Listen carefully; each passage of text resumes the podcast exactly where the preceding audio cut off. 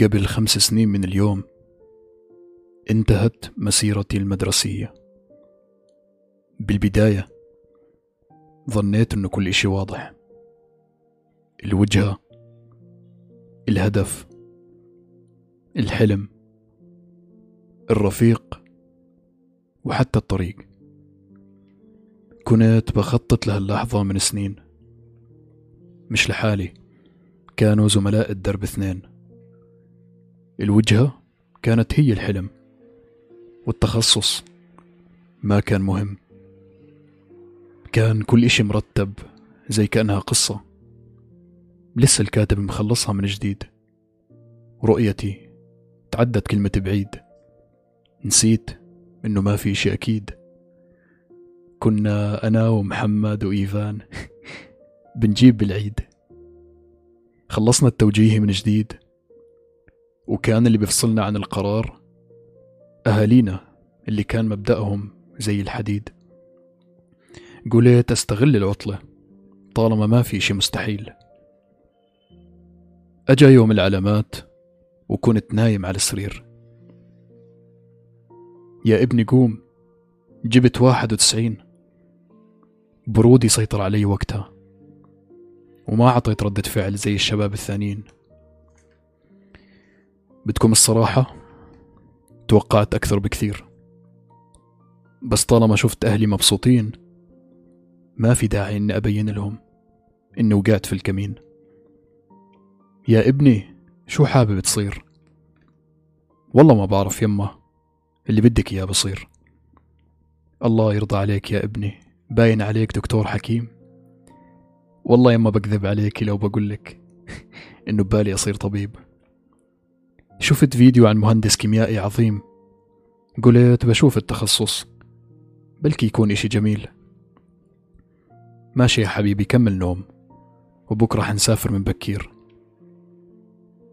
بينما الأهالي بيحتفلوا بنجاح أولادهم وبينما الناس بترن وبتبارك لي كثير كثير.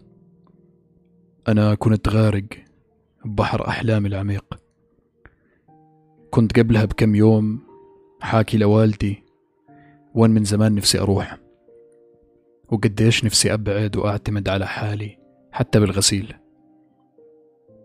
وأذكر كانت ردة فعله مش لمصلحتك هالخطوة يا ابني؟ طلع الموضوع من راسك وركز بدراستك الله يرضى عليك. بعد ما شفت الرسالة على تليفوني اللي كان أبو كبستين على أيامه كان جديد. مسكته وضربته بالأرض بأقوى ما عندي. بعد خمس دقايق استوعبت إني عملت غلط كبير.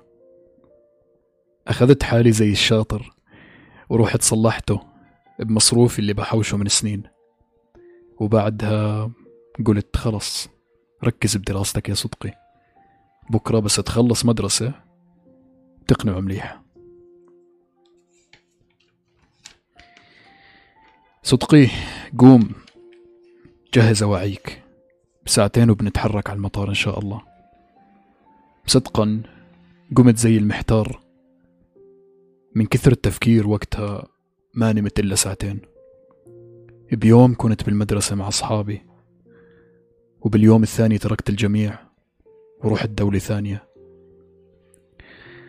وأنا بطريقي للمطار حاطط راسي على الشباك. وبعقلي كثير أفكار. معقول اللي قعدت أشوفهم كل يوم لمدة سبع سنين. حتبطل تشوفهم مرة ثانية؟ كنت كل ما أمر على بيت بتمر على مخيلتي معه شريط من الذكريات.